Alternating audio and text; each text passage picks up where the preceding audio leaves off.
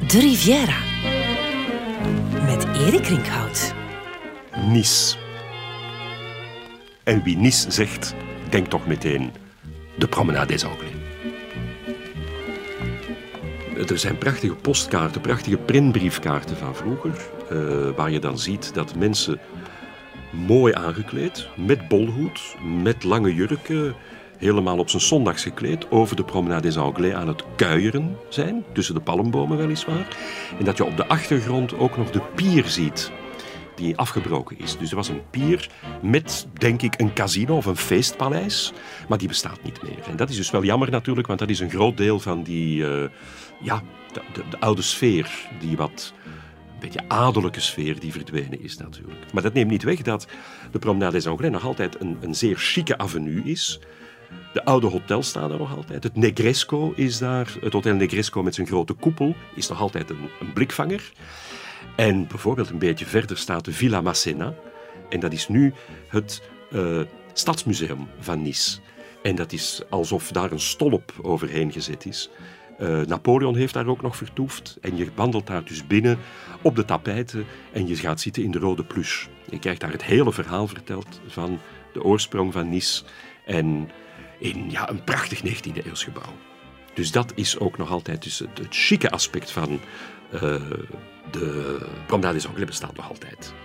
En de zee is inderdaad azuur, blauw. Geen zandstrand, het is een kiezelstrand.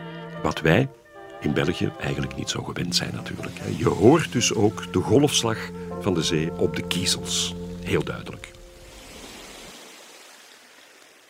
Als we over de Promenade des Anglais wandelen, kunnen we beginnen bij het nummer 1. Het nummer 1 ligt het dichtst bij die oude stad, ligt vlakbij een plein dat meteen associaties voor ons ook oproept, namelijk de Place Albert Ier die er nog altijd is. Hè.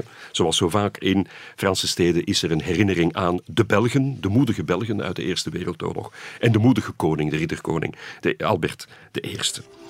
Op Promenade des Anglais nummer 1 stond vroeger een prachtig hotel, een Belle Époque Hotel Ruhl, dat helaas gesloopt is. En rond 1960 vervangen door een inspiratieloze nieuwbouw, het Casino Ruhl. Maar goed, het Keienstrand ligt daar nog altijd. Er zijn nog altijd blauw-wit gestreepte lichtbedden aan zee, op het strand. Je kunt daar gaan zitten, tegen betaling uiteraard. Je kunt daar ook iets eten. Dat kost wel wat. Het is wel heel chic. Het is natuurlijk leuk. En je kunt eigenlijk een beetje in de voetsporen treden van Scott Fitzgerald en zijn vrouw Zelda. De Amerikaanse auteur en zijn vrouw die in de jaren twintig heel vaak in Nice verbleven. Ze hebben daar op het strand gegeten en Zelda schreef daarover: Stars fell in our plates, and we were alone with the deep blue grandeur and the filet de sole rule and the second bottle of champagne.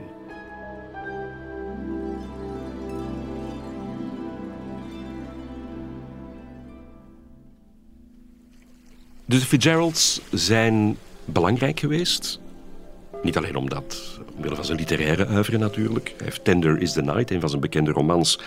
Daarvoor heeft hij de inspiratie opgedaan in het zuiden, aan de Côte d'Azur. Maar de Fitzgeralds hebben ook een nieuwe trend gezet wat het toerisme betreft. Tot de jaren 1920 ging men vooral, mensen uit het noorden, heel vaak Russen ook natuurlijk, de gekroonde hoofden van Europa, de mensen die het zich konden permitteren, de adel en ook de rijke burgerij, gingen overwinteren in het zuiden. Omdat het klimaat er heel mild was. Dus met andere woorden, zij brachten lente en zomer door in hun eigen land en gingen opnieuw lente en zomer doorbrengen tijdens de winter aan de Riviera, aan de Côte d'Azur.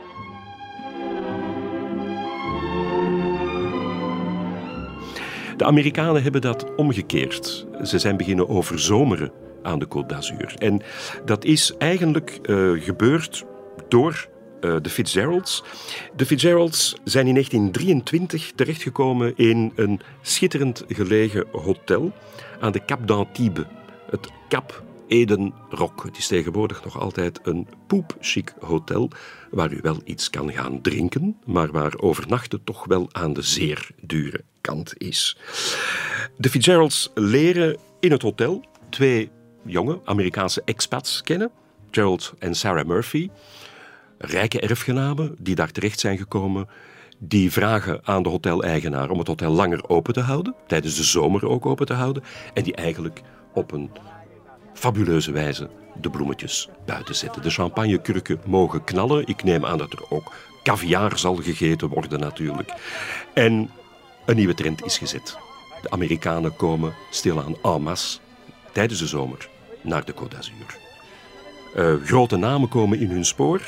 Pablo Picasso, Gertrude Stein, Ernest Hemingway, John Dos Passos en Dorothy Parker. En de trend is gezet.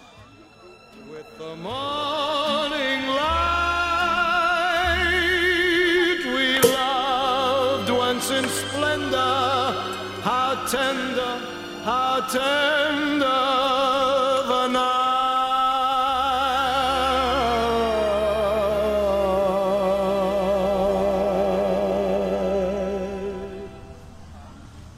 In 1926, in de zomer, verblijven Scott Fitzgerald en zijn vrouw Zelda in de buurt, in Juan-les-Pins, in de Villa Saint-Louis. Die villa is nu een hotel geworden, het Hotel Belle Rive. En Fitzgerald wou daar zijn roman Tender is the Night afwerken. Het schrijven wilde niet echt vlotten en hij hield zich dan maar bezig met Ernest Hemingway die op dat moment in de Villa Paquita op de Avenue des Pins Parasol numero 6 woonde. En Fitzgerald gaf hem een advies over zijn roman The Sun Also Rises. Maar laten we even terugkeren naar dat Hotel Bellerive. Daar kunt u nu nog altijd naartoe. En het hotel herdenkt het verblijf van de Fitzgeralds in meer dan één opzicht. In de lobby hangen prachtige zwart-wit foto's van het koppel. En er prijkt ook een groot citaat uit een brief van Fitzgerald aan Ernest Hemingway in 1926. With our being back in a nice villa on my beloved Riviera between Nice and Cannes, I'm happier than I've been for years. In elk geval is dat allemaal de basis voor de roman Tender is the Night. En u kunt die roman lezen in een van de lederen fauteuils van het historische Art Deco Hotel en de Fitzgerald Bar in het Hotel Bellerive. En als we nog een actuele link aan kunnen toevoegen. In 2014 is de Fitzgerald Bar gebruikt voor de opnames van een Woody Allen film, Magic in the Moonlight die niet toevallig natuurlijk in 1920 speelt. Something that simply mystifies me. Tell me, why should it be? You have the power to hypnotize me. We wandelen voort op de Promenade des Anglais en we stoppen in het nummer 57. Daar staat een appartementsgebouw. En het is in dat gebouw dat de Russisch-Amerikaanse schrijver Vladimir Nabokov een tijd lang gewerkt heeft. 1960. Vladimir Nabokov, wereldberoemd op dat moment van Lolita. Maar hij zal daar aan een andere roman werk. Op het toppunt van zijn roem. Hij wordt met andere woorden in Nice ook niet gerust gelaten. Er is ook net een biografie in het Frans verschenen. En met andere woorden, er staan regelmatig journalisten op de drempel om hem te interviewen. En hij laat zich dat ook allemaal welgevallen. Er is ook een Zweedse vertaler, een Zweedse vertaalster, die naar hem toe komt en die hij samen met zijn vrouw met open armen zal ontvangen. Een zeer merkwaardige geschiedenis, maar het leidt ertoe dat zijn werk ook zeer goed vertaald wordt in het Zweeds. In 1960 gaat hij daar werken aan Pale Fire, een op zijn minst merkwaardige roman die bestaat uit het gedicht Pale Fire van een fictieve auteur, John Shade, met een inleiding en uitvoerige commentaar van een krankzinnige, fictieve wetenschapper, Charles Kinbot. Nabokov werkte altijd met steekkaarten. En de eerste steekkaart werd geschreven op 29 november 1960 in Hotel Negresco in Nice. Het Hotel Negresco is eigenlijk de overbuur van het appartementsgebouw waar we nu staan. Maar al snel verruilden de Nabokovs het beroemde hotel op de Promenade des Anglais voor een ruim appartement op de derde verdieping van de Villa de la Plage. Een Victoriaans gebouw op 57 Promenade des Anglais. Nabokov werkte er zeer geconcentreerd, zoals hij altijd deed. Maar gaf zich ook graag over aan zijn hobby's. Hij ging tennissen en hij ging vlinders vangen in de heuvels van Grasse en de heuvels van Nice.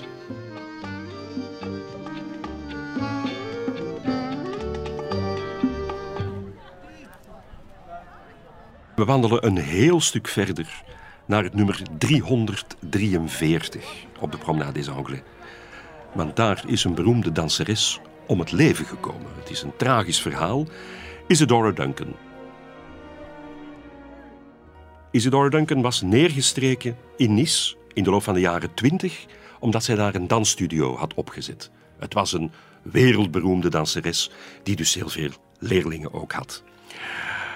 Op 14 september 1927 vindt dat tragische auto-ongeval plaats. Hoe komt dat? Wel, Isadora Duncan was gefascineerd geraakt door een Bugatti-sportwagen die zij die middag in Juan-les-Pins had gezien en ze wilde er absoluut zelf een kopen. En een vriend van haar die in een garage werkte, zou haar een proefrit aanbieden in een Bugatti. Een cabrio uiteraard. Het is een, een open auto.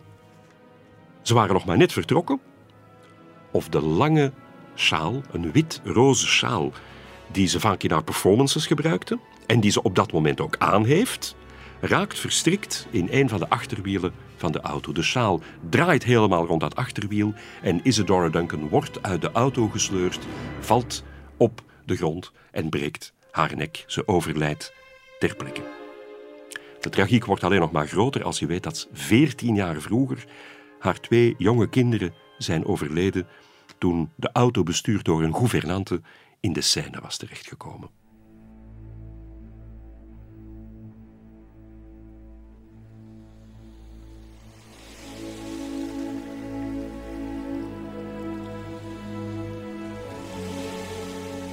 Een van de grote namen die lang voor mij ook over de Promenade des Anglais heeft gewandeld, is een Noorse schilder, Edvard Munch. Het is iemand die we niet meteen zouden associëren met Nice of met de Promenade des Anglais. Maar ook hij verbleef meerdere keren in Nice, die prachtige stad die inderdaad zoveel mensen heeft aangetrokken. En hij ging daar ook naartoe omwille van gezondheidsproblemen. Ook hij overwinterde meerdere keren in Nice en aan de Côte d'Azur. En verrassend genoeg deed hij daar op die Promenade des Anglais in 1891, 1892, hè, wanneer hij overwinterde, deed hij daar inspiratie op voor zijn wereldberoemde, iconische werk De Schreeuw. Het kan bizar klinken, want wij associëren dat uiteraard met Oslo en met het noorden. Maar dus, hij wandelt over de Promenade des Anglais en hij ziet in de verte figuren wandelen. Hij ziet de zon ondergaan en plotseling schiet hem opnieuw een ervaring te binnen die hij enige tijd vroeger wel degelijk in Oslo ook heeft gehad. Maar het is eigenlijk die, uh, die terugkeer van die herinnering die zich ja, in zijn geheugen nestelt, in zijn verbeelding nestelt en die hij gebruikt om de eerste schetsen te maken voor wat later de schreeuw zal worden. En hij schrijft ook op 22 januari 1892 in een dagboek over Nice, over die dag. Ik liep langs de weg met twee vrienden. Toen de zon onderging en de lucht plotseling bloedrood werd. Ik pauzeerde, leunde doodmoe tegen het hek. Boven de blauw-zwarte fjord en de stad, omgeven door bloed in vlammende tongen. Mijn vrienden liepen verder en ik bleef achter bevend van angst en ik voelde me alsof er een enorme, eindeloze schreeuw door de natuur ging.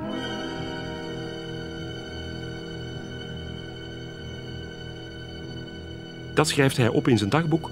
Hij begint daar schetsen bij te maken en hij zal dat jaren later uitwerken als hij opnieuw in Oslo is. Maar het is dus op die Promenade des Anglais, uiteraard bij een zonsondergang, dat Munch opnieuw een ervaring beleefde die hem maanden eerder al op het thuisfront in Oslo was overvallen. De Promenade des Anglais ze is zeer lang En het is eigenlijk één grote weg boordevol verhalen.